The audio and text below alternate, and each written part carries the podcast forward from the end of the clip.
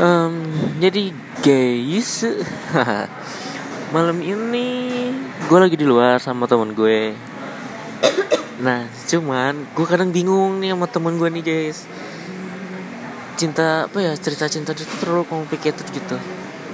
Dia tuh orangnya gini uh, dia nggak gampang jatuh cinta tapi dia lebih gampang nyaman sama seseorang gitu. Ini kayak ya hubungannya itu nggak bakal lanjut nah kira-kira nih enaknya gimana ya?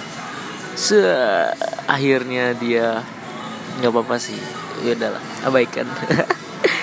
Maaf ya kadang emang suka ngajar gini jadi gimana menurut kalian kalau ada teman yang seperti itu?